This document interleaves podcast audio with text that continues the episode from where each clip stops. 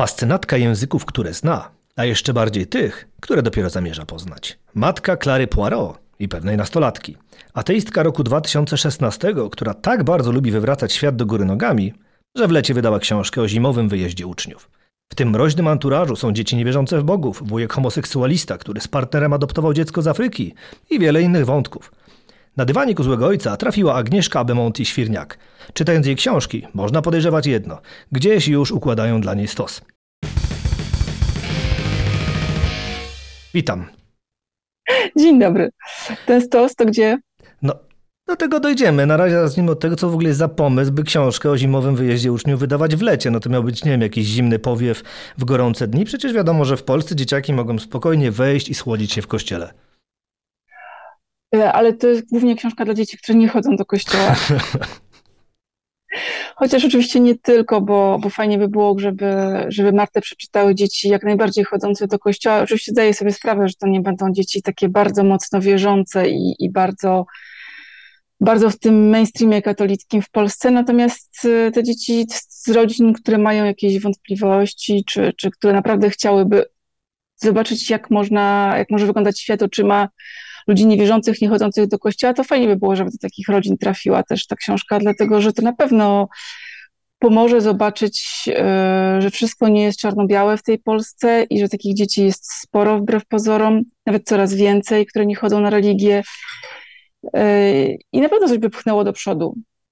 No już tak A żeby szło latem, no przepraszam. Żeby szło latem. Nie, to w ogóle tą książkę napisałam 6 lat temu, bo ja swego czasu wydałam taką pierwszą Martę, która była wydana w moim prywatnym wydawnictwie, ale po prostu mi troszeczkę przerosło prowadzenie własnej firmy i zarzuciłam ten pomysł, y, ale mm, teraz właśnie redaktor Adam Cioch, którego znasz i który ci, zdaje się, Martę przysłał, on mnie tak bardzo naciskał, żeby wreszcie coś z tym zrobić. I tak po prostu wyszło czasowo, że zanim się to wszystko zorganizowało, to wyszło latem. Ale tak jak mówisz, to może jest jakiś świeży powiew. Kurczę, tak powiedziałeś o Adamie, zaraz wyjdzie, bo że to już kolejna osoba, którą tak przez niego, że my tu taki wspólny front prowadzimy, bo jakiś czas temu był na przykład to między innymi Michał Rzeźnik, więc tak, fakty, który też go tam wspiera, więc faktycznie.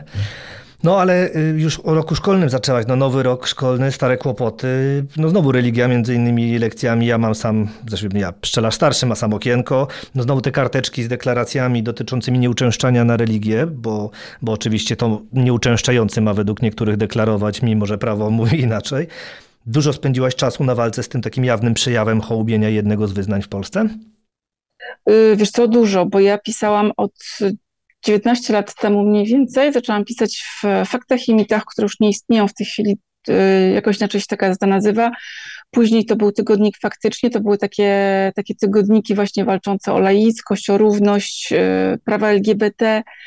Y, no i to się tam zaczęło właściwie. Potem zaczęłam prowadzić takiego bloga, gdzie pisałam właśnie o książkach i tam na tym blogu powstała też Marta, I między innymi miałam taką rubrykę, e, która się nazywa Etyczne wady mekum i tam opisywałam właśnie wszystkie możliwe prawa, e, które mają dzieci chodzące na etykę, właśnie najczęściej się właśnie dokładnie, tak jak mówisz, walczyło z tym, że się nie wypisujemy z religii, a na nią zapisujemy, jak na każde inne zajęcia dodatkowe. No i to trwało wiele lat. Te prawa były nowelizowane tak, śmak, inaczej, zawsze troszeczkę pod górkę tym ludziom, którzy nie chcieli dzieci posyłać na religię. Ale myślę, że w tej chwili już jest bardzo dużo takich struktur, jakichś tam grup na Facebooku, o których, które właśnie o to dbają. No i przede wszystkim Fundacja Wolność od Religii, która prowadzi tą równość w szkole i u nich naprawdę jest mnóstwo, mnóstwo materiałów, e, gdzie można się dowiedzieć. Także e, od tego czasu, kiedy ja zaczynałam prawie 20 lat temu, to myślę, że wiele się zmieniło na lepsze i, i jest gdzie się tych, tego wszystkiego dowiedzieć, tylko trzeba chcieć. Tak, to nie ugala wątpliwości, ale teraz jest też dzięki temu, co dają media społecznościowe, internet, jest taki plus, który ja zauważyłem te dwa, trzy dni temu, bo nie pamiętam, kiedy już ten wpis wrzuciłem właśnie, że jednak mamy okienko, że trafiliśmy w to bingo lekcyjne i mimo, że ja mniej więcej wiem, co należy zrobić i oczywiście podejmę odpowiednie kroki, no to spotkałem się z takim bardzo pozytywnym odzewem. Wiele osób właśnie linkowało nie tylko do Fundacji Wolność od Religii, ale też do osób y, do indywidualnych osób, które po prostu mówią, jak mm. pomóc, działają. To jest bardzo pozytywne, choć faktycznie są też osoby, które no nadal nie wiedzą, że religia jest no, lekcją dodatkową. No, nie wiedzą, może inaczej. To przez lata indoktrynacja doprowadziła do tego, że to wygląda jak byłby to przedmiot obowiązkowy, więc mają prawo niektórzy tego po prostu nie wiedzieć. No więc, no ale, ale wraca, to wraca. Powiedz mi, czy ty na przykład y, masz teraz to porównanie, czy ty we Francji spotykałaś się z czymś takim, żeby ktokolwiek musiał, nie wiem, zapisywać się na religię, bo to, to tam, czy wypisywać się z religii?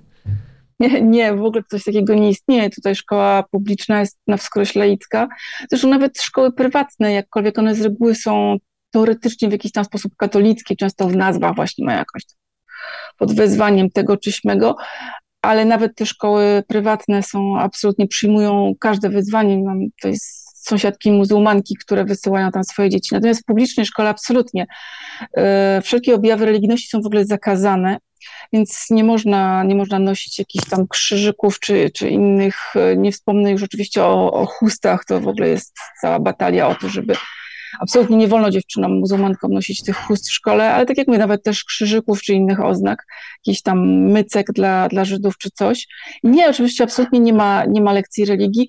Teoretycznie y, rodzic ma prawo, tak samo jak na przykład masz prawo zapisać dziecko na przykład na jakiś język, tak? E, przypuśćmy, nie wiem, jakiś, weźmy trochę mniej popularny, nawet jak to było polski, powiedzmy, tak, chcę zapisać dziecko na polski, zgłaszam to w szkole i szkoła mnie odsyła do jakiejś innej szkoły, czy, czy do jakiejś tam struktury, która, e, która tego polskiego by uczyła tak międzyszkolnie, moja córka tak chodziła na włoski swego czasu e, i teoretycznie można by było poprosić o takie lekcje religii gdzieś tam, żeby szkoła skierowała, ale powiem Ci, że jak moje dziecko teraz jest w maturalnej klasie, czyli od 6 roku życia do 17, to przez tyle lat szkoły raz w życiu widziałam tylko taką karteczkę, że ewentualnie gdzieś tam można by było poprosić o zorganizowanie tej religii, czy o, nawet nie zorganizowanie, bo to w szkole nie ma mowy, żeby ta religia była, tylko właśnie o odesłanie do odpowiedniej instancji jakiegoś kościoła czy, czy czegoś tam. Także absolutnie nie, nie, to w ogóle jest nie. Szkoła ma taką, taką kartę, taką jakby swoją swoje zasady, które dostajesz na początku roku w takim dzienniczku specjalnym. No w liceum tego nie ma. Ale jeszcze przez całe gimnazjum to było i tam właśnie jedną z zasad jest to, że e, absolutnie nie, nie, ma, nie ma żadnej religijności. Oczywiście nie ma krzyży w szkole, to już w ogóle nie ma o czym mówić, ale na przykład um, moja szwagierka uczyła w takim liceum, gdzie kiedyś przyszedł chłopiec z, e, z koszulką napisem jestem muzułmaninem, nie panikuj. No i w momencie, kiedy dyrektor go zobaczył, jak on wchodzi do szkoły, to go odesłał do domu się przebrać, bo nie wolno po prostu takich rzeczy wnosić do szkoły, swojej wiary. E, również nauczycielom oczywiście. Nie ma mowy o, o nauczyciele mają taki zakaz mówienia o jakichkolwiek wiarach, wyznaniach i, i o poglądach politycznych też. Także porównania w ogóle nie ma. To ciekawe to, co mówisz i muszę spytać, od jak wielu lat mieszkasz e, poza granicami na stałe? 20 lat. Hmm, no bo tak patrzę, jak walczysz, wiesz, jak to wygląda, bo no, żyjesz de facto w zupełnie innym świecie i tak jak powiedziałeś przed chwilką, że tę książkę już miałeś gotową e, kilka lat temu, mhm. to ja nie wiem, czy ona wtedy nie wywołałaby szoku, czy może przeszłaby właściwie bez echa, bo wszyscy by uznali, że to jest jakaś e, no, kompletna ekstrema, że o czymś takim piszesz. No bo wiesz, wymieńmy sobie. Dzieci ateiści, wujek gej, który adoptował czarnoskóre dziecko, wiesz, no jedziesz po zewnętrznej, już, a do tego mamy Niemiec. E, pisanie o Janie Pawle II bez tej obowiązkowej formułki nasz święty papież Polak. No jak, jak w ogóle, bez takiej formułki? No i no nie wiem, no gdybyś mieszkał w Polsce, to ktoś by naprawdę uznał, że się pchasz na ten stos, z którego się śmialiśmy. Skąd w tobie takie pokłady tego buntu? Czy, czy to może wynika właśnie z tego, że wyjechałaś i widzisz, że tak się kolokwialnie wyrażę, normalny świat, czy, czy już wcześniej miałaś to w sobie? E, wiesz co, na pewno miałam wcześniej. Yy, ale na pewno też to porównanie jest, no to, to jest niebanalne, po prostu jak człowiek widzi, że można żyć normalnie, to ma ochotę o coś takiego zawalczyć w swoim własnym świecie, swojego pochodzenia, dzieciństwa i tak dalej. Natomiast na pewno miałam wcześniej, wiesz, ja jestem, yy, wychowałam się w latach 80. i ja pamiętam, mimo że byłam taką nastolatką świeżą, pamiętam yy, chociażby rok 89, gdzie wszystko się w Polsce nagle zmieniło i, i trochę stanęło do góry nogami i właśnie zaczęły się te dyskusje polityczne i, i religijne. Pamiętam właśnie wszystkie właśnie zakazy aborcji pierwsze, potem troszeczkę później kwestia Kwaśniewskiego, który tam podpisze, nie podpisze te, z tą aborcją i tak dalej, konkordat. Ja to wszystko po prostu pamiętam z, z takiej wczesnej młodości, yy, nastoletniości i to wszystko na mnie wpłynęło na pewno bardzo, bo moi rodzice byli bardzo lewicowi i, i zawsze, zawsze się jakoś gdzieś o tą równość, nie wiem, może nie walczyło, ale tak, no między sobą rozmowy, jakie żeśmy mieli jako dzieci. Ja potem bardzo dużo pisałam różnych takich wierszy politycznych, jak byłam w liceum, takich polityczno-społecznych i, i właśnie byłam znana wśród znajomych z takiej, z takiej obrazoburczości, gdzie właśnie nie, nie mogłam znieść tego nieszczęsnego Jana Pawła, który przecież jeszcze wtedy był papieżem. Natomiast jeśli miałabym skomentować, wiesz, po kolei wszystko, yy, z tymi dziećmi ateistami, to jest, wiesz co, to jest jeszcze też to, yy, że yy, ja jako dziecko właśnie był za tak zwanej komuny i yy, mój ojciec nie chodził do kościoła, był ateistą, zresztą był oficerem policji, więc generalnie tak wchodzenie do kościoła nie wchodziło w grę, ale on z zasady po prostu, z swoich własnych przekonań tego nie robił. Y, ja się strasznie tego wstydziłam, bo to było dobrze widziane w społeczeństwie, że właśnie jak gdyby to był taki, wiesz, opór wobec tego, tych, tych lat 80. komunizmu, gdzie on tam powoli już zbliżał się do swojego końca. I ja byłam bardzo pokazywana palcami, tak, że, że mój tata nie chodził do kościoła i ja pamiętam, że ja zawsze mówiłam, że chodził na inną mszę. Po prostu mi było wstyd powiedzieć koleżankom, że, że tak, że ja z mamą chodzę tam na jakąś mszę, a, a tata nie. I ja tych wiadomo było tam 18 dziennie, nie, w tamtych czasach, więc zawsze można było powiedzieć, że, że ten tata chodził na inną mszę. Ale do dzisiaj pamiętam, że to w ogóle nie wchodziło w rachubę, żeby im powiedzieć, że on jest ateistą i że po prostu nie chodzi, więc tak jakby te czasy się niewiele zmieniły, mam wrażenie, tylko z innego powodu teraz tak się wstydzimy tego, że tata czy mama nie chodzą do kościoła.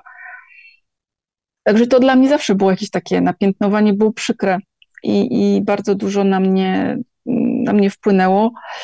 E, no a cała reszta tych bohaterów, ten wujek gej, e, ja mam dużo przyjaciół e, gejów i, i nawet miałam w rodzinie, z kolei w rodzinie miałam kuzyna, który był czy transseksualny, widziałam, jakie miał ciężkie przeżycia, to wszystko też, wiesz, nie pozostało bez echa gdzieś tam w środku, bo widziałam, że ludzie są nieszczęśliwi. Czarnoskóre dziecko, powiedziałabym, że może wyniknęło stąd, że ja mm, jestem zamężna z człowiekiem, który nie jest tak do końca, jest, jest kolorowy w ogóle ze, ze wszechmiar, bo moja teściowa była hinduską, e, Mój teść był potomkiem niewolników francuskich, więc e, tak, wiesz, po prostu jest dla mnie takie rodzinne, tak? Ci ludzie kolorowi, róż, różnokolorowi są po prostu jakąś tam codziennością i też, też mnie to gdzieś tam boli, tak? Że moje dziecko jest potomkiem niewolników i, i że to jest, e, to też przechodzi gdzieś tam bez echa, tego już się o tym dzisiaj nie mówi.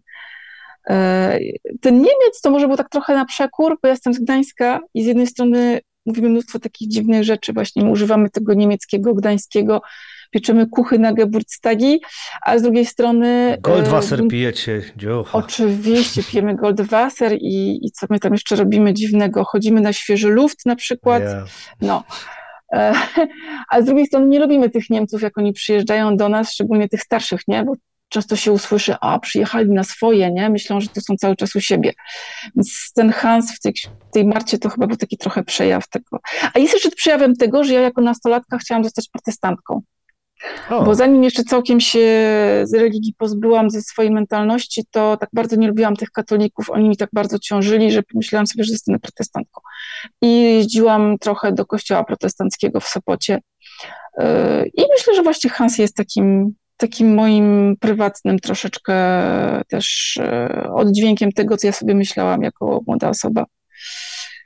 E, także skomentowałam chyba wszystkie. No to jeszcze, jeszcze jest Marzena Milazon, tak? To dlaczego to A, tak? faktycznie. A, bo wiesz co, mam słabość do tych gdańskich nazwisk, takich właśnie, takich właśnie staropolskich, niemieckawych, sta, staro, starogdańskich, umówmy się. No. Jakkolwiek ja takich nazwisk w rodzinie nie miałam, bo mój tata się urodził na Ukrainie i, i i, właśnie, a to widzisz wątek, bo ta Helenka, przyjaciółka Marty pochodzi gdzieś tam też, nie mama z Ukrainy, ale to akurat, wiesz, było pisane dużo przed wojną, więc to nie miało związku, ale, ale mój tata właśnie się urodził na Ukrainie i też dla mnie jakaś taka rodzinna, powiedzmy, rów, kwestia też równości tego, żeby nie, nie mówić tutaj o upainie, tak jak to teraz jest modne, tylko, tylko wreszcie też powiedzieć ludziom, że wszyscy jesteśmy tacy sami. No i to tak dobrze wyszło może też właśnie teraz, kiedy jest ta nieszczęsna wojna. No to ci się trafiło, ale został ci jeszcze nasz święty, jedyny ojciec, y, no Jan Paweł II kremówkowy. Wiadomo o kogo chodzi, no ten jeden, no, jedyny. Nie, ja w ogóle nigdy go nie lubiłam, tak. Y, zawsze miałam jakoś tak nie, nie ten, nigdy nie wierzyłam w jego szczerość, y, w jakąś tam, nie wiem, Wiesz, zawsze byłam czytelniczką, nie właśnie jako młoda osoba i no nie, nie, wyrobiłam sobie zdecydowanie niechęć do tego człowieka, nie będę wcale tego ukrywać. I cokolwiek by o nim nie powiedzieć, że on gdzieś tam jakieś dialogi nawiązywał, może i nawiązywał, nie wiem, nie... Z Pinochetem wspaniały dialog nawiązywał. O, Całkiem na nieźle przykład, mu poszło, widzisz. Nie? Ogólnie Ameryka Południowa to tak jak mówisz, ja, ja na przykład odbierałem go jako wiarygodnego, bo on ja wtedy byłem bajtlem, tysiąc, tak sobie teraz pozwalam, skoro ty mówisz po Gdańsku, to No. ja po naszemu, E, no ale to w 1990 bodajże drugim, wydaje mi się, że drugim, bo wtedy była 500 rocznica, ale głowy nie dam, no to przyjechał do Ameryki Południowej. Tam mówił, że tu widać dzieło chrystianizacji, ewangelizacji, jakie jest wspaniałe, no bo wiadomo, tych Indian ktoś wymordował, no było to super najwyraźniej i nie, no tu był moim zdaniem całkowicie szczery, nie, no więc to wiesz, to zawsze kwestia, A, no co, tak, czego tak, słuchamy, no. nie, no to przecież, wiesz. Tak, ta, taka szczerość, tak, zdecydowanie. E, także nie, no dla mnie on jest, e, powiem teraz coś okropnego za- zapewne dla polskiej publiczności, ale ja już się w ogóle nie krępuję po tylu latach w innej kulturze, że dla mnie po prostu jedno, jednoznacznie negatywną postacią. Nie ma opcji. Ja nie widzę w nim nic pozytywnego, szczerze powiedziawszy. I e, na przykład mojego męża strasznie śmieszy, że myśmy się nie, absolutnie nie wykaraskali z ery Jana Pawła II, bo gdziekolwiek wchodzisz do kościoła jakiegoś w Polsce, oczywiście w ramach zwiedzania, tak, jak wchodzę, no to on wisi wszędzie, są jakieś portrety jego gdzieś tam w tych, w tych jak się wchodzi do, do kościoła, to są takie, jak to się nazywa, nie wiem, w sensie taki, no wiesz, taki przedsionek, nie? Mhm. I tam wiszą gdzieś te, te, te Jany Pawły, a ten biedny Franciszek e, to już w ogóle nie istnieje. Także no nie, Jan Paweł zdecydowanie nie. Czyli jesteśmy już pewni, że przynajmniej ja, że znam datę, kiedy ten twój stos zapłonie. No, to 13 kiedy? maja, A w Dzień Czarownicy. w Dzień Czarownicy, bo no, na pewno nieprzypadkowo wymyśliłaś tę datę, prawda? No nie, nie przypadkowo. No właśnie, więc bardzo przepraszam, bo oficjalnie to tam, zaraz sobie tutaj y, będę się posiłkował. Dzień Czarownicy, czyli antyklerykalne święto ku pamięci kobiet, które zabobonom przeciwstawiły wolność. No a 13 maja, no wszyscy wiemy, że było strzelane. No bardzo przepraszam. Ale ja to wiesz co, nie, to, to w ogóle 13 maja wymyśliłam zupełnie z innego powodu. Y, To była taka przekora, bo maj to był ten miesiąc y, maryjny, tak, u, u katolików, a ta, ta Maryja to widać jednoznacznie jest jakaś tam taka sama bogini, jak i wszystkie inne i, i jest taką w sumie, y, jak pa- patrzeć na nią z perspektywy właśnie takiej ateistycznej, to jest taką fajną, sympatyczną postacią, jak każda inna bogini, matka we wszystkich religiach i, i i myślę, że właśnie jest e, takim archetypem troszeczkę takiej wiedźmy właśnie też, nie? Tej, która, która coś tam, która stoi nawet nad mężczyznami zdecydowanie, tak? Bo to ona nam tego Jezusa urodziła. Gdyby nie ona, to w ogóle by nie było o czym mówić, tak? Nie byłoby chrześcijaństwa. E, No i tak i nie, bo jej postać jednak pokazuje na to, że mimo, że Matka Boga, to jednak ma znać miejsce w szeregu, wiesz, bo jednak daję jej to tak, to nie jest, daję do A zrozumienia. nie, no tak, w tej chwili tak, oczywiście, ale ja myślę, że, na, że ona była bardzo ważna na początku chrześcijaństwa. e, A to nie wątpię, Taka, no. była taką postacią. Jest taka bardzo fajna książka Coelho nad e, rzeką Piedrą usiadłam i płakałam, jeżeli pomyliłam dokładnie tytułu. I tam jest właśnie taki archetyp tej bogini.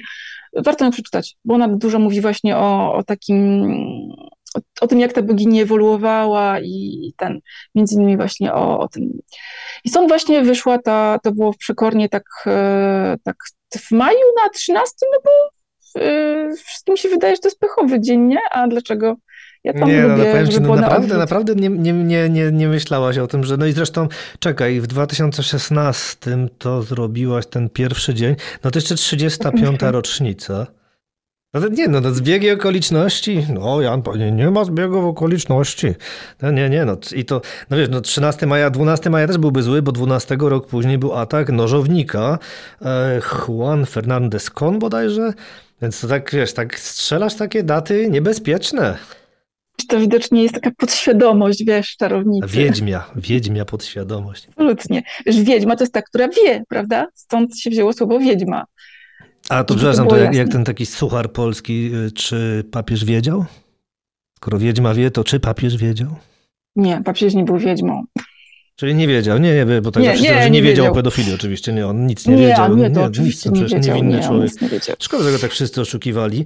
No ale tak jeszcze wróćmy na chwilkę do tej perspektywy, bo tak zawsze z Janem Pawłem kojarzy mi się słowa, które nie są jego, ale które często były powtarzane przy wszystkich tych okazjach, jak on e, wizytował swój kraj pochodzenia, Mhm. czyli że tylko pod krzyżem, pod tym znakiem Polska tak. jest Polską, a Polak Polakiem. I tak właśnie powiedz mi, jak ty widzisz to cały czas, bo no sama mówisz, że wracacie, widzicie Jana Pawła II, no to jak wracasz z Francji, to, to zagęszczenie krzyży na metr kwadratowy, czy na kilometr kwadratowy jest faktycznie tak uderzające. No wiesz, no bo ja jestem już przyzwyczajony. Ja idę na autobus, mam kapliczkę. Nie, nie będę cię oszukiwał, mam przy samym domu, to, to jest zaskakujące, ale ja mieszkam też blisko kopalni, więc pewne natężenie kapliczek no tak. musi być większe, nie? Nie, no jest, różnica jest kolosalna. Tutaj w ogóle tam na wsi, jak jedziesz jakimiś takimi drogami przez wsie, to oczywiście są też jakieś, zależy jeszcze w jakich regionach, bo umówmy się, Francja ma takie dwa regiony jak Alzacja i Lotaringia, które, te, które tak przychodziły, wiesz, trochę we Francji, trochę były w Niemczech i one mają taki status e, osobny troszeczkę, e, mają właśnie też możliwość urządzenia religii w szkole. To jest, wynika z jakichś takich historycznych przesłanek, ale, ale jak gdyby no, nie ma takiego większego znaczenia dla tutejszej kultury. Natomiast nie, no to w ogóle te, te wszystkie krzyże, te, te wszystkie Jany Pały, widzisz, o, na przykład ja w Gdańsku mieszkałam w dzielnicy, gdzie y, jak Jan Paweł II przyjechał do Polski, no to on tam, taka msza była, ja pamiętam, że wtedy była mu komunii, zrobili taki straszny spęd, bo to było mega gorąco, nie zapomnę do końca życia chyba, jak mnie strasznie głowa potem bolała i spędzili nas pod ten ołtarz tam nad morzem, nie, znaczy nad morzem, no niedaleko, tam na Zaspie, Zaspa jest dzielnica. I, I tam w tej chwili właśnie ten, e, mnóstwo jest jakichś tam pomniczków takich i śmakich, bo, bo on tam właśnie tą mszę swoją odprawił tej naszej dzielnicy, ale nie, to jest w ogóle bez porównania i mentalność ludzi przede wszystkim jest inna, tak? Yy, wiecie coś powiem, dla mnie religia jest jednocześnie, jednoznacznie no, to będzie też następna okropna i obrazobórcza rzecz, którą powiem, ale religia jest złem. Dlatego, że naprawdę źle działa na ludzi. Ja, to nie chodzi już o sam katolicyzm, o, znaczy głównie, ale nie chodzi mi o to, że to jest, y, na przykład już pomijam takie drobiazgi jak spowiedź, że to jest w ogóle niemoralne, tak, że możemy no nie, sobie popełnić to nawet nie jest drobiazg, grzechy. bo to akurat tym dzieciom robi po prostu no, traumę i im wodę zmuszą. Nie, no, przepraszam, że się mi... tu wcinam, ale to nie jest już drobiazg, akurat zawsze Nie, mi chodzi o no. drobiazg, to jest taki dla mnie, że e, chodzi o to, że tak, możesz popełniać jakąś tam sobie grzechy i potem przyjdziesz się, wyspowiadasz i jesteś czyściutki, tak, bo to jest w ogóle absurdalne, ale chodzi mi o takie rzeczy niezauważalne, jest taki przykład, który zawsze, zawsze daję, że na przykład e, pamiętam, jak moja córka poszła do gimnazjum i to nie jest specjalnie daleko od domu, ale miała 11 lat, tak jak tutaj się ma, no z gimnazjum, no i oczywiście dla mnie to był jakiś tam stres, że musi przejść te 10 minut sama na pieszo, jedna ulica, druga do przejścia, tak. E, oczywiście nie życzyła sobie, żeby ją odprowadzać, no wiadomo, jak każda jedenastolatka. I e, wtedy pomyślałam sobie, jak wiele na przykład matek w mojej sytuacji w Polsce, nie wiem, pomodliłoby się, czy kazałoby się temu dziecku pomodlić, czy wyglądając przez okno powierzyłoby tak to córkę jakiejś tam Matce Boskiej czy innej świętej. Natomiast co, co robiłam ja i mój mąż, no to generalnie przygotowaliśmy ją tak na to, że, że ma nie rozmawiać z obcymi, że ma patrzeć w lewo i w prawo na ulicy, no rozumiesz, takie banalne rzeczy, ale, ale właśnie to przechodziło przez E, przez jakieś takie aktywne rodzicielstwo, bym powiedziała, tak? A, a religia mam wrażenie, że bardzo często zwalnia z takich rzeczy ludzi. No tu właśnie mówię na poziomie, na poziomie rodziców, no bo cała jakby ta moja książka jest w pewnym sensie na poziomie rodzica, ale no mnóstwo jest takich rzeczy, wiesz o co mi chodzi, że, tak, że to ja, zwalnia. Znaczy zwalnia, ale też jest tak jakby, bo, bo dodaje innego obowiązku, który jest irracjonalny, bo tak jak przecież w książce mhm. modlitwa nic nie zmienia, ale ja samo jak to powiedziałeś o tym właśnie pomodleniu się za dziecko, przypomniał mi się przykład, y, no to sprzed kilkudziesięciu lat, więc mogę powiedzieć, bo ta pani nie żyje z tego, co już pamiętam, Mhm. E, ona była doktorem nauk medycznych i kiedy jej syn wychodził z domu, to jeśli, jeśli to się zdarzało w podobnych porach, jak, jak boję wyjścia, to zawsze zwracam na to uwagę, stawała w oknie i kreśliła znak krzyża. Zawsze. No teraz nie było słychać, bo, ale widziałem z ruchu warg powiedzieć o matko, więc też już matko, na, tak, też nawołujesz, widzisz, też, też już no tak? tak. No ale nie, ale to pamiętam, to zawsze tak zaskakiwało i wiesz, że ona wiedziałem, że ona, ona uchodziła za taką osobę, która nie jest jakoś wierząca, nikt jakoś tego nie kojarzył, a jednak te takie proste mhm. znaki, stare, no zresztą nie oszukujmy się, no e, liczba tych krzyży, Janów, Pawłów II, pomniczków, kapliczek i tych wszystkich rzeczy, no to jawnie się odwołuje do tych naszych korzeni jakichś pogańskich, gdzie musieliśmy te swoje małe bożki, swoje mhm. bóstwa, no jakoś zapominamy, że to nasze pogaństwo skończyło się no, chociażby tym słynnym e, wybijaniem zębów, żeby przestrzegać postów w piątek. No wiesz, no, no. to tak, tak zapominamy, tak. że, bo wiesz, Kościół przejął sobie te tradycje, że jak najwięcej takich właśnie różnych, prawda, wizerunków, tutaj pomniczków, no i, no i znaczą teren tymi krzyżami. No to u nas trudno znaleźć miejsce, w którym, nie wiem, no w, w promieniu 5 kilometrów nie będzie krzyża. No myślę, że byłoby to wyzwanie, powiem szczerze. Pamiętam, że z kolei na jednej z książek Stanis, wydawane przez wydawnictwo Stapis była taka mapa z krzyżami. I to, były wszyscy, I to były tak zaznaczone tak jakby kościoły w Polsce, że tak naprawdę nie ma pustego miejsca. To jest bardzo fajna sprawa, to akurat odsyłam cię do wydawnictwa Stapis, bo to tu Staszek Pisarek był moim gościem.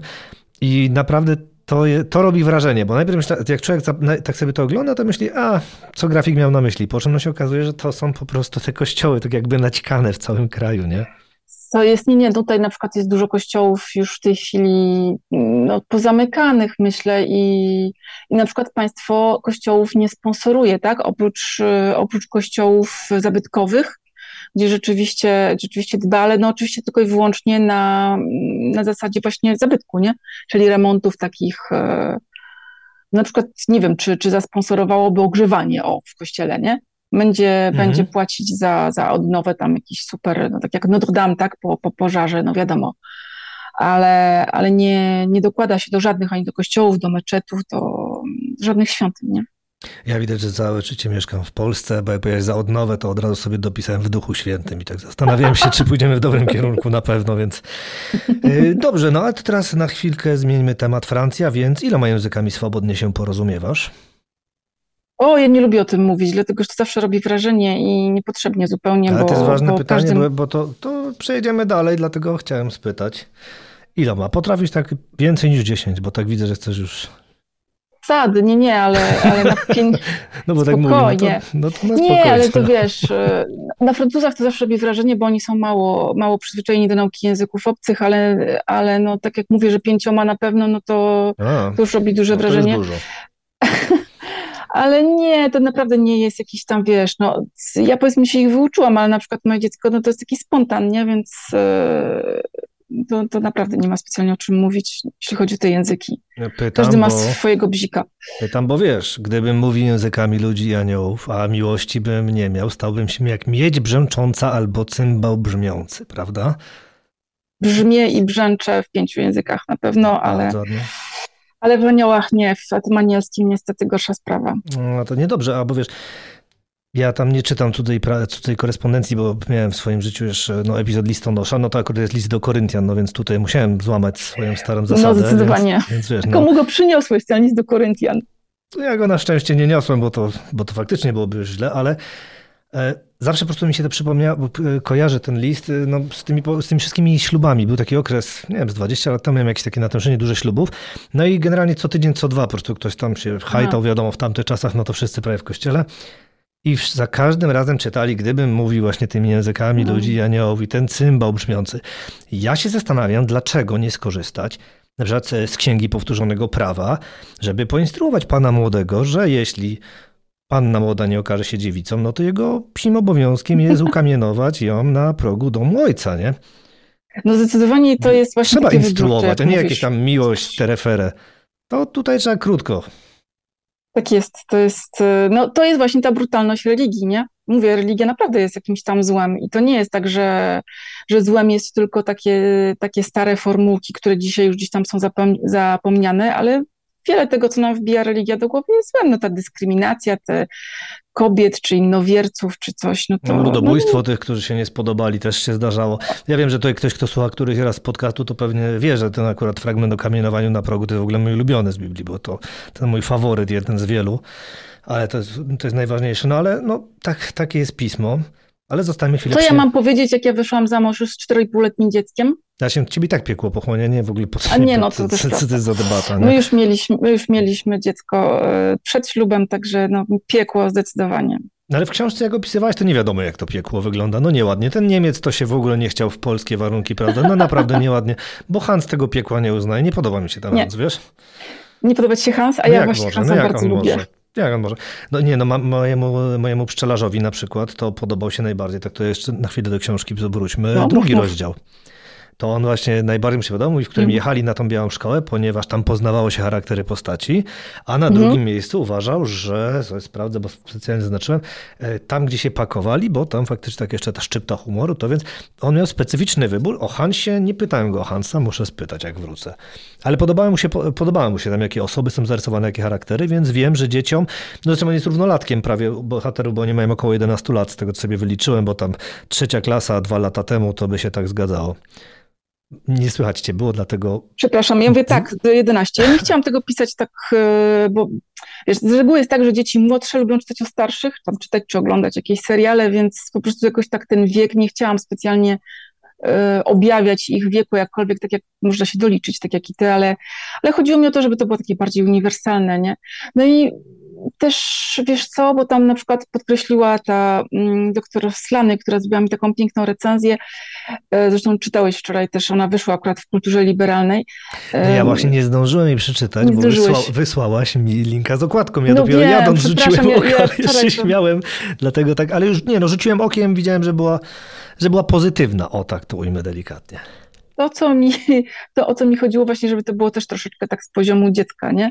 Żeby jednak te dzieci były potraktowane poważnie i, i zresztą wiesz, ja wcześniej, zanim, zanim jeszcze się tak zabrałam za takie właśnie wychowanie, że tak powiem, ateistyczne, to ja dużo y, się kręciłam w kręgach takich, y, takiego rodzicielstwa, bliskości, zresztą przetłumaczyłam pięć, chyba to było książek, tak, właśnie tam o karmieniu piersią, o noszeniu, o spaniu z dzieckiem, takie właśnie książki takiego nowoczesnego, Wszystkie E, autorstwa rodzi- Jana Pawła, mam nadzieję, czy nie? a absolutnie, Dobrze. absolutnie.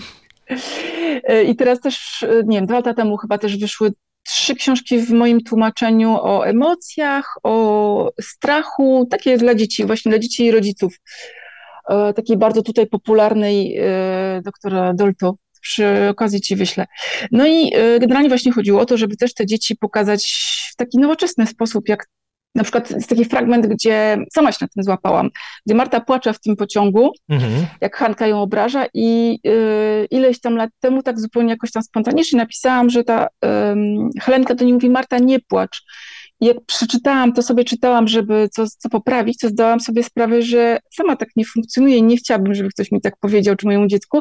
Dlatego w pewnym momencie Helenka mówi, chodź Hanka, chodź Marta, popłaczemy razem. No bo No tak, no tak, faktycznie, bo takie coś jest. Na to akurat zwróciłem uwagę, bo było to zaskakujące, jako no, że dziecko w tym wieku ma w sobie tyle empatii, bo to faktycznie było pozytywne, tak.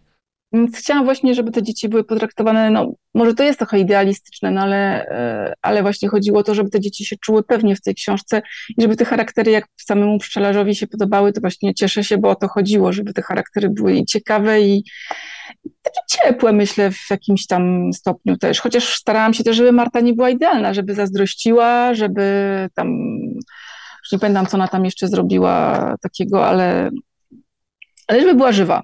Się Spodobały mu się to charaktery, a teraz trafić w jego gust to nie jest tak łatwo, bo tak, żeby nie skłamać, czytał na pewno niedawno znowu Carlsona, ale on ma ostatnią fazę Nawernego, więc wiesz, to tutaj tak. Tutaj A, no to teraz to zupełnie jest inaczej, radykalna więc, zmiana. a tu mu, tu mu to siadło, spodobało się, więc no był zadowolony. Naprawdę jestem, więc uznaję to za bardzo pozytywną ocenę i bardzo dobrą recenzję twojej książki. Je, jestem wdzięczna i bardzo... Ale wrócimy do twojej córki. Przepraszam, bo muszę Dobrze, się wciąć. proszę uprzejmie. Bo wiem, że ty tam czasu później mi nie będziesz miała, jeszcze mi nie odpowiedź na jakieś ważne pytania. Więc tak, Spokojnie, kiedy zaczęłaś uczyć córkę łaciny? E, Szkoła zaczęła ją uczyć łaciny, jak miała 12 lat. E, To nie jest obowiązkowe we Francji, e, ale Naprawdę? jej We Francji taki... o tych złamanych chujach nauczyli. A skąd tu wziąłeś te złamane chuje? Bo żeby ci do wiedzy nie zakazali dostępu, bo cię urodziłam dziewczynką. Narób im wtedy porządnego zamętu i złamane chuje napisz swoją szminką, żebyś pospełniała największe swe marzenia i nigdy nie utkwiła bierna, by twa nadzieja nigdy nie odeszła do cienia, a ty ideałom swym pozostała wierna. Kojarzysz? Tak, oczywiście to wyszło. To jest mój wiersz, który napisałam do antologii Nadzieja, To która... jest fragment, bo nie przeczytałem całego, przyznam bez bicia, Tak, niech tak. sobie ktoś tutaj Spokojnie. wysiłek jakiś wykona. Tak, ona wyszła, to jest antologia Nadzieja, którą ym, zrobił Czarek Papaj, y, który prowadzi taki portal Poezja ma głos. I y, generalnie tam były wiersze, no za każdym są tematyczne, tak, I, te, i ta antologia, audioantologia, bo, bo to była książka, jest książka i, i właśnie Czarek i Aneta Mazurek czytają wiersze, które są w tej antologii i ty chuje, ale wiesz, żeby było śmiesznie, to trafiłeś, dlatego że e, nie wiem, czy uczyłeś się łaciny, ale jest taki zaimek w łacinie jak chujus. O, no ja na koszulce tak. się przypadkowo. No właśnie tak, widzę właśnie. Zdarza się. I e, oczywiście to akurat moją córkę bardzo śmieszy, bo, bo inne dzieciaki tutaj francuskie oczywiście absolutnie nie rozumieją, co, co jest śmiesznego w zaimku chujus, natomiast dla, dziecka, mojego dziecka jest to bardzo śmieszne. E, i, ale e, ja łacinę to ja jej nie uczyłam, nigdy uczyła się w szkole i dalej się uczy. E, natomiast łaciny, jeśli chodzi o kuchenną, no to wiesz co, yy, myślę, że wszystkich słów trzeba się nauczyć. Ja generalnie pisałam pracę magisterską z brzydkich słów, bo jestem romanistą z wykształcenia i pisałam, naprawdę, pisałam pracę magisterską na temat takiego potocznego i, i yy, slangowego nazewnictwa osób. Oczywiście to było bardzo gramatyczne, tak, bo ja uwielbiam gramatykę, ale prawda jest taka, że napisałam pracę magisterską z brzydkich słów i absolutnie wcale się ich nie wstydzę. Czasami ich używam, i wolę, żeby moje dziecko znało, niż żeby było zaskoczone, jak pojedzie do Polski i nagle się okaże, że wiesz, e, że nie wie, jak coś ją wyzwie od czegoś tam, żeby nie wiedziała, nie wzięła tego za komplement przypadkiem. No to ja akurat e, znam parę takich wyzwisk po romsku, ale nie będę tutaj może mówił. Za to skojarzyło mi się, jak tak myślisz o tych opisaniu wulgaryzmach, o tym, że właśnie ktoś się śmieje z podobnego znaczenia, to, że kiedyś korzystał z tego Andrzej Sapkowski, no na 99% to było w leju po bombie, gdy Mówili tak. o osobie, która miała na nazwisko Indyk i chciała się nazywać tak, Indykauskas, a będzie Kałakutas, dokładnie, więc tak Tak, więc, tak, tak, pamiętam to. Więc to akurat faktycznie zawsze mi się tak kojarzy z tymi językowymi dowcipami, no choć akurat to faktycznie no, na pograniczu polsko-litewskim było obraźliwe, bo to jeszcze chyba było też, o ile mnie pamięć mieli do policjantów i żandarmów stosowane, że tam litewskich, że to było takie faktycznie nacechowane. To, to, to, to jest stare bardzo opowiadanie, bo ja je czytałam jako nastolatka, także to ono, musi, ono ma ze 30 lat na pewno. Nie, nie, wiesz, że to samo nacechowanie jest takie stare w Polsce, bo to, że tak, to, że opowiadanie ma tak, bo ono wyszło jeszcze chyba nawet w Supernowie, tak w tym no, zbiorze opowiadań. Zapewne, no, no, no. Tak, tak. To ono wyszło w ogóle w jakiejś tam gazecie, to czytałam strasznie dawno temu.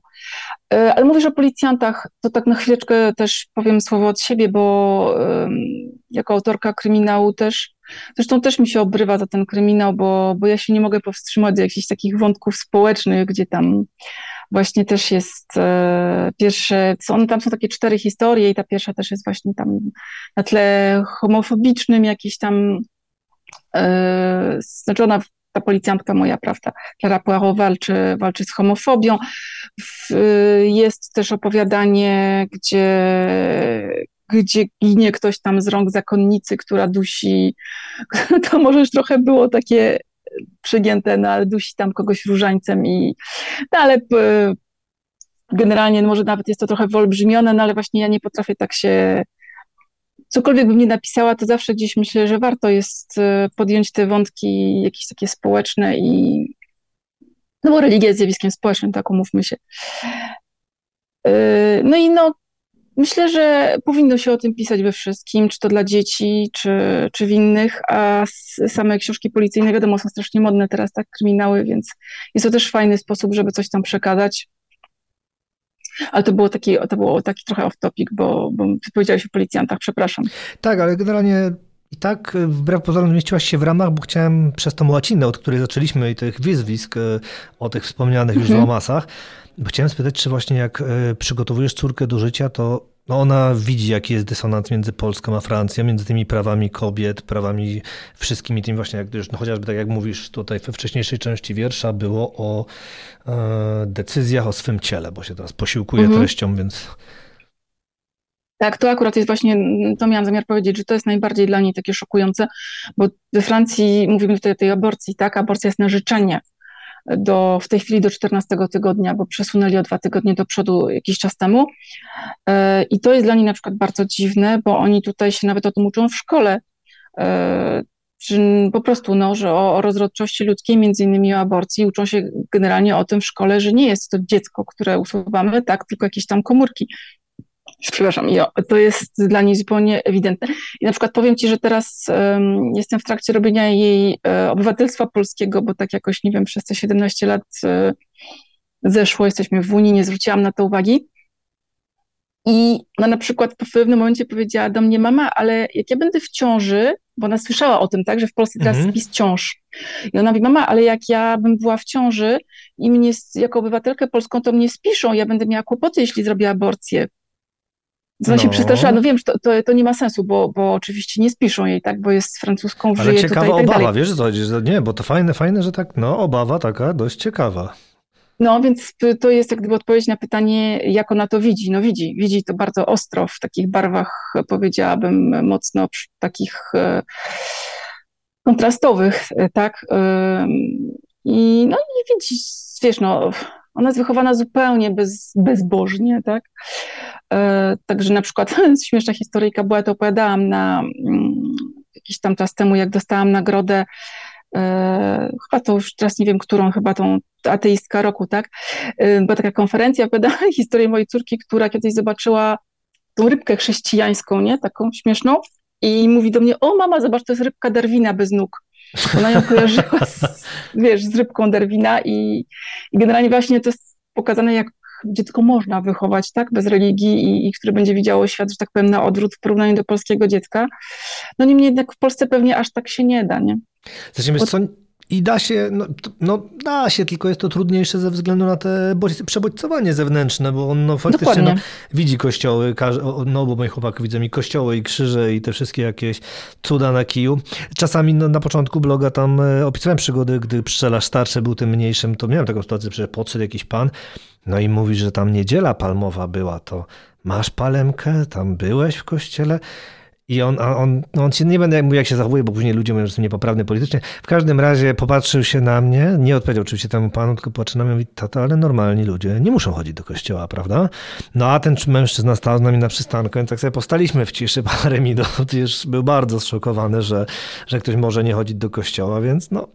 Ale da się, no było to, to też gdzieś wspominałem, że Bodajże jak czytał Marka Twaina niedawno, to zauważył, y, czemu ta szkółka niedzielna, czemu tam co tę niedzielę chodzą. I taki był, że tutaj musiałem tłumaczyć, że, że brakło tego kontekstu, mimo że tak jak mówię, no z mamą M staraliśmy się zapewnić mu tę wiedzę, wiesz, tak jakoś też mitologię przedstawić, takie rzeczy, no ale jednak tej takiej codzienności faktycznie no brakuje. No, jasne, że ja też nie wiem żadnej szkółki niedzielnej, no bo, bo jak, ale, ale są te różnice prostu są i moja córka jak była młodsza, no to też miała takie, pamiętam, że kiedyś się zapytała, było przekomiczne, bo to akurat było na gwiazdkę, uwaga, ja nigdy nie mówię Boże Narodzenie, tylko gwiazdka, tak podkreślę to, ale właśnie na tę gwiazdkę kiedyś zapytała się mnie, nie wiem, może miała z 5 lat, nie pamiętam, co to jest ksiądz.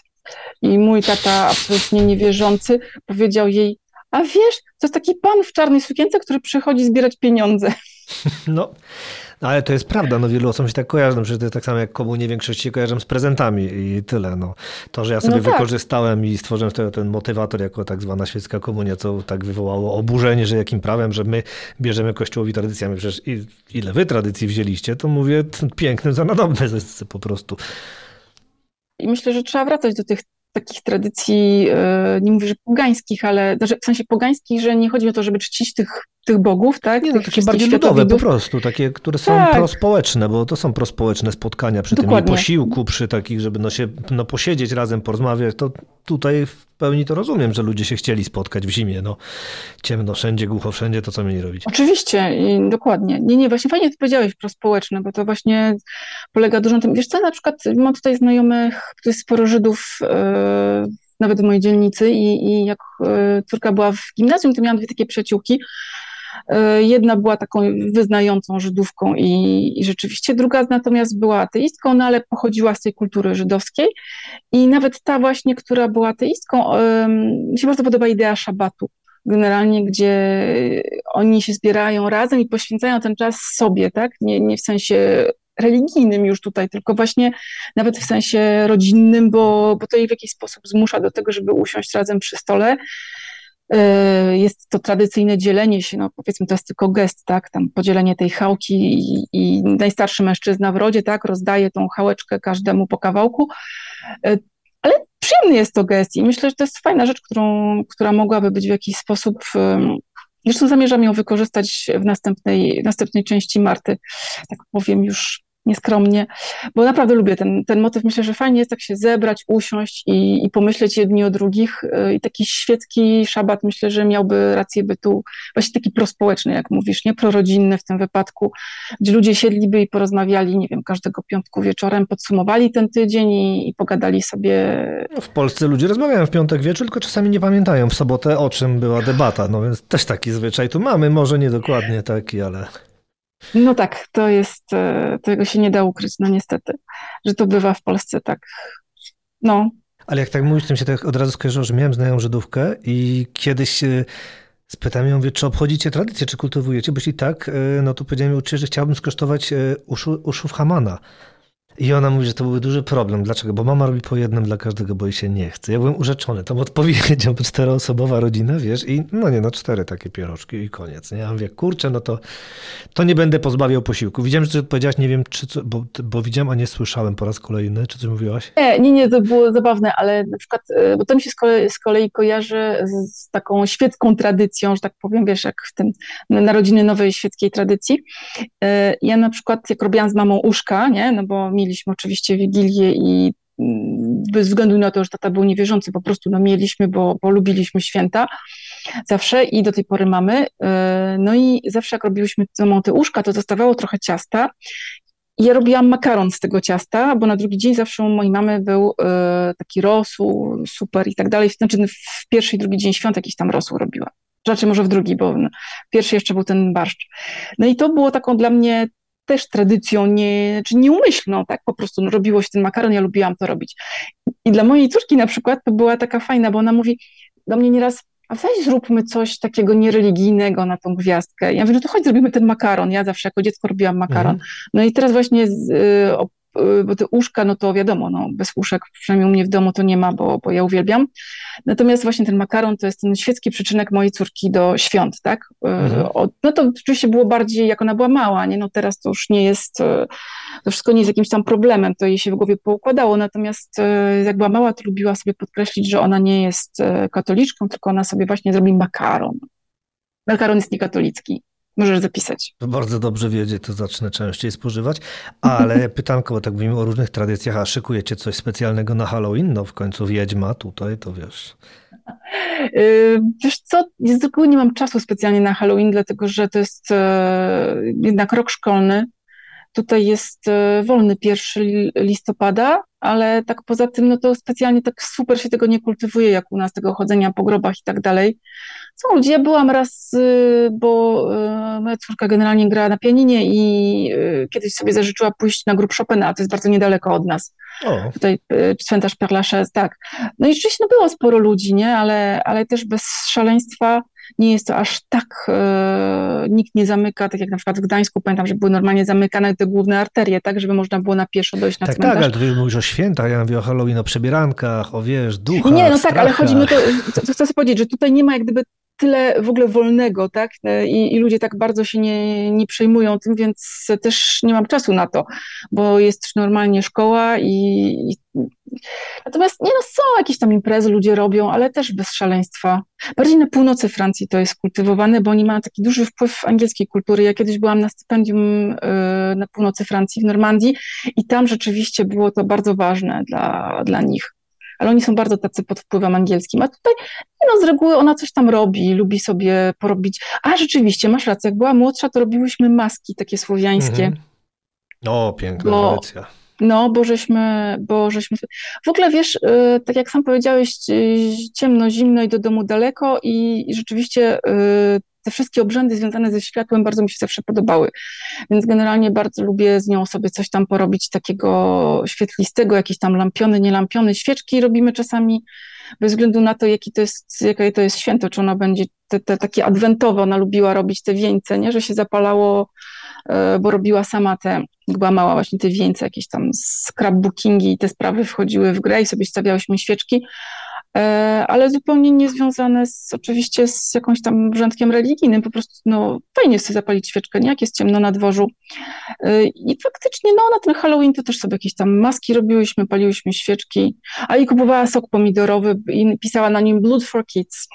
O, Koniecznie no po angielsku, bo, bo, no bo to się też kojarzyło właśnie z, z angielskim. No a jak już przechodziła fazę Harry'ego Pottera, to wieszała po całym domu jakieś plakaty z Harry'ego Pottera na, na Halloween. Ale tak to nie, jakoś nie, nie mam jakiegoś wielki, większego przywiązania do tego święta, szczerze powiedziawszy. Okej, okay, nie no, pytam, bo my z pszczelarzem coś zawsze piszemy, jakieś historie. Myślałem, że ty może jako osoba pisząca też się dasz wciągnąć, ale to... Ale jeśli chcesz, to ja mam takiego bloga właśnie od kiedy opublikowałam um, Życie nie lubi porządku, czyli moją Klarę Poirot, to tam na tym blogu jest taka historia na Halloween z zeszłego roku. Um, dam ci potem adres, to, to jest historia na Halloween, ale yy, taka tam z duchami i w ogóle. Yy, no to może faktycznie, wiesz, coś napiszę. Dziękuję za podpowiedź. Dobrze, coś jeszcze wymyślę. Dobrze. A skoro już tak jesteśmy przy pisaniu, planujesz jakieś kolejne książki? Może teraz coś, nie wiem, na wzór Mikołajka, bo zresztą rozmawialiśmy o tym, już jedna Polka się kiedyś pokusiła na tego typu przeróbkę, no, którą mocno upolityczniła. Ja jej nie znam w ogóle, nie miałam o tym pojęcia. Samego Mikołajka powiem ci szczerze, że znam słabo, bo... Och nie, ale złamałaś mi serce. Chyba niestety musimy kończyć, tak, bo to już teraz nie jestem złamanym sercem, nie dam rady powiedzieć, jak to? Poczekaj, ale skoro jesteś fanem gościnnego, to powiem ci co innego. Jestem też fanką gościnnego, ale zupełnie na, na, w sumie innym poziomie, no bo on nie tylko, nie tylko Mikołajka zrobił, tak? To był człowiek, który był bardzo wszechstronny, więc wszelakie inne, wszelką inną jego twórczość, e, taką wiesz, bardziej też satyryczną, naprawdę przepadam. Natomiast Natomiast Mikołajek, nie, no takie przeróbki w ogóle polityczne to, to są dla mnie bez sensu. Natomiast ja rzeczywiście chciałabym napisać, zaczęłam już nawet pisać e, następną część Marty, e, bo mam nadzieję, że to ma sens. E, to takie, nie wiem, może nie, może, może to się okaże, że nie, ale, ale mam nadzieję, że ma sens. Nie no ma, jak e, dzieciom się podoba, to jak ma nie mieć sensu. No zobaczymy, jak to będzie wyglądało w sprzedaży, nie? Bo ja też coś tam w to zainwestowałam i zresztą nie po raz pierwszy inwestuję w właśnie w, takie, w tego typu działalność, jakoś nie licząc się z tym, czy to się zwróci, czy nie, szczerze mówiąc, no ale bo fajnie by było przynajmniej, żeby to się trochę wyrównało, żeby miała na to następną, nie? Tyle tylko bym chciała od życia. I no to, co mogę powiedzieć, że bardzo jestem dumna z motta, które wpisałam w marcie, albowiem moim mottem w marcie będą, e, nawet sobie przygotowałam, widzisz, e, będzie piosenka Metallica Nothing As Matters, czyli ten początek, który mówi, e, już powiem od razu po polsku, otwórz, otwórz umysł na inne spojrzenie, nic innego nie ma znaczenia, czyli open your mind i tak dalej, nie? Mhm pomyślałam sobie, że to będzie może tak trochę przekornie też, nie? No bo te, ten straszny metal. Jaki straszny, Więc... nie za ten straszny. Ale nie da się ukryć, że pochodzisz z Polski, bo powiedziałeś gościnny.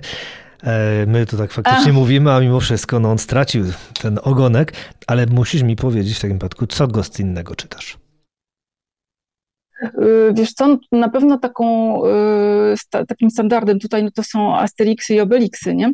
Myślałem, że powiesz Iznogut i bym powiedział, że Iznogut to też był, to Stabarim robił, e, no bo Iznogut po raz pierwszy właśnie pojawia się w Mikołajku, o czym mało kto pamięta. A, wiesz co, no nie myślałam o tym. Yy, on w ogóle robił dużo takich rzeczy, Teraz wiesz co, musiałabym poszukać też, e, nie wiem czy wszystko, co ja na przykład tutaj znam, będzie po polsku, nie? Też... Wiesz, jest e, coraz więcej, bo ostatnio wydał Egmont fajną kolekcję e, tych takich właśnie mniej znanych gościnnego i uderco, na przykład Janko Pistolet, Beniamin i Beniamina, to ich pierwsze takie w ogóle komiksy, jakie wydawali, więc Aha, to, no, to ostatnio tak. wyszło i to się naprawdę przyjemnie czyta. Yy, nie no, na pewno on miał, styl miał świetny, to nie ma Nie, nie ma Asterix to wiadomo, że, że to on w Polsce no, cieszy się bardzo dużą popularnością. Wiesz co, yy, mnie śmieszy, jak przychodzę na przykład do Empiku, yy, bo popularność w Polsce jakichkolwiek w ogóle komiksów jest śmieszna w porównaniu z Francją. W Francji, jak no, wchodzisz do... To, to wiadomo. Jest, Natomiast czy to jest dobrze, czy źle, ja nie jestem fanką komiksów specjalnie, e, więc to jakoś tam nie, nie przeszkadza mi, że, że w Polsce jest tego mało. Ale y, Asterixa i Obelixa też trzeba umieć czytać, myślę, bo tam jest bardzo rzeczy, bardzo dużo mimo wszystko rzeczy między wierszami gdzieś tam. No, takim chyba naprawdę najfajniejszym jest, e, ten, jak ten tom się może po polsku nazywać, ten, który gdzie jest w Asterix, Obelix i Kleopatra chyba to się nazywa mhm. po polsku. Tak, tak. Tam jest mnóstwo takich różnych fajnych aluzji i nawet pamiętam, że jak byłam na studiach, to myśmy się na zajęciach z tłumaczeń, żeśmy się borykali z Asterixem i Obelixem. Może też dlatego mam taki sentyment do, bo są rzeczy, które są bardzo ciężkie do przekazania potem w obcym języku, bo bo to są, to są właśnie takie niuanse śmieszne. Nawet, nawet e, językowe, tam taki moment, gdzie na przykład on mówi człowiek, który wymyśla windę, nazywa Tak, się Otis. Tak, to no, w wiem, filmie jak to było. podkreślono. Tak, w filmie to było podkreślone, że właśnie A, to tak, że to. Otis, tak, tak, tak. Tylko nie wiem, czy w Polsce to coś mówi w ogóle, chociaż czy Myślę, macie że tak, bo Otis? wszyscy kojarzą te windy, przynajmniej no, Tak, już przy tym, po tym dowcipie wiem, że sporo osób go koja- je kojarzyło, ale jest dużo tego humoru językowego, no tak samo jest właśnie w tym wspomnianym Iznogudzie, czy w Umpapa też, no on ma Mm, dużo takich tak, tak, faktycznie, że no, słowo jest dla niego bardzo ważne, to widać, prawda? Tak, tak, to był naprawdę myślę, że jeden z takich lepszych. On miał też takie powiedzenia różne. Mamy gdzieś w domu książki, gdzie tym wiedziała, to bym się przygotowała, ale może, A, może zrobimy jeszcze kiedyś. specjalnie. Ym, No mój mąż ma sporo jego jakichś tam książek, natomiast ja e, nie wiem, jakoś mnie ominęło trochę. Jest, Mikołajki mnie ominęły zupełnie. I córka O. też się nie wychowała na Mikołaj. Wiesz, ze mną w ogóle generalnie córka się wychowała najwięcej na, na polskich tekstach, no bo e, jakoś zależało mi na tym, żeby ona mówiła po polsku. Więc e, to, co czytała po francusku, no to czytała z tatą, więc jakby ja do tego nie ingerowałam. Mhm. Dobrze, no właśnie chciałem sobie jeszcze jedną rzecz przypomnieć, ale no pamięć mam dobrą, ale krótką i teraz nie przypomnę sobie, które, którą ci chciałem jeszcze polecić historię o tym młodym reporterze. Jak on się nazywał? Wstyd, syn mnie rozszarpie. Tata? Em, Ten, który kurczę miał być taki, nie właśnie, nie, nie Tintin, tylko właśnie Gostinny też miał takiego, nawo- nawiązywał do niego, ależ mi wstyd teraz, powiem ci szczerze. No nieważne, no nieważne, to nie jest takie, to na, napiszę ci jak sobie przypomnę, ale e, chciałem cię O. spytać jeszcze, czy zamierzacie wrócić do Polski, by tu walczyć o jej laicyzację. No tak już Nie, po, powrót do Polski to jest w ogóle nie wchodzi w grę z, z powodów takich zupełnie prozaicznych. No społecznie nie wrócę do kraju, gdzie właśnie, tak jak powiedziała kiedyś moja koleżanka i bardzo to popieram, Polka też tutaj mieszkająca, że nie wrócę do kraju, w którym jeśli zgwałcą mi córkę, to nie będzie mogła usunąć ciąży. Brzmi dosyć No tak, tak, e, tak. brutalnie, ale jest to bardzo fajny powód.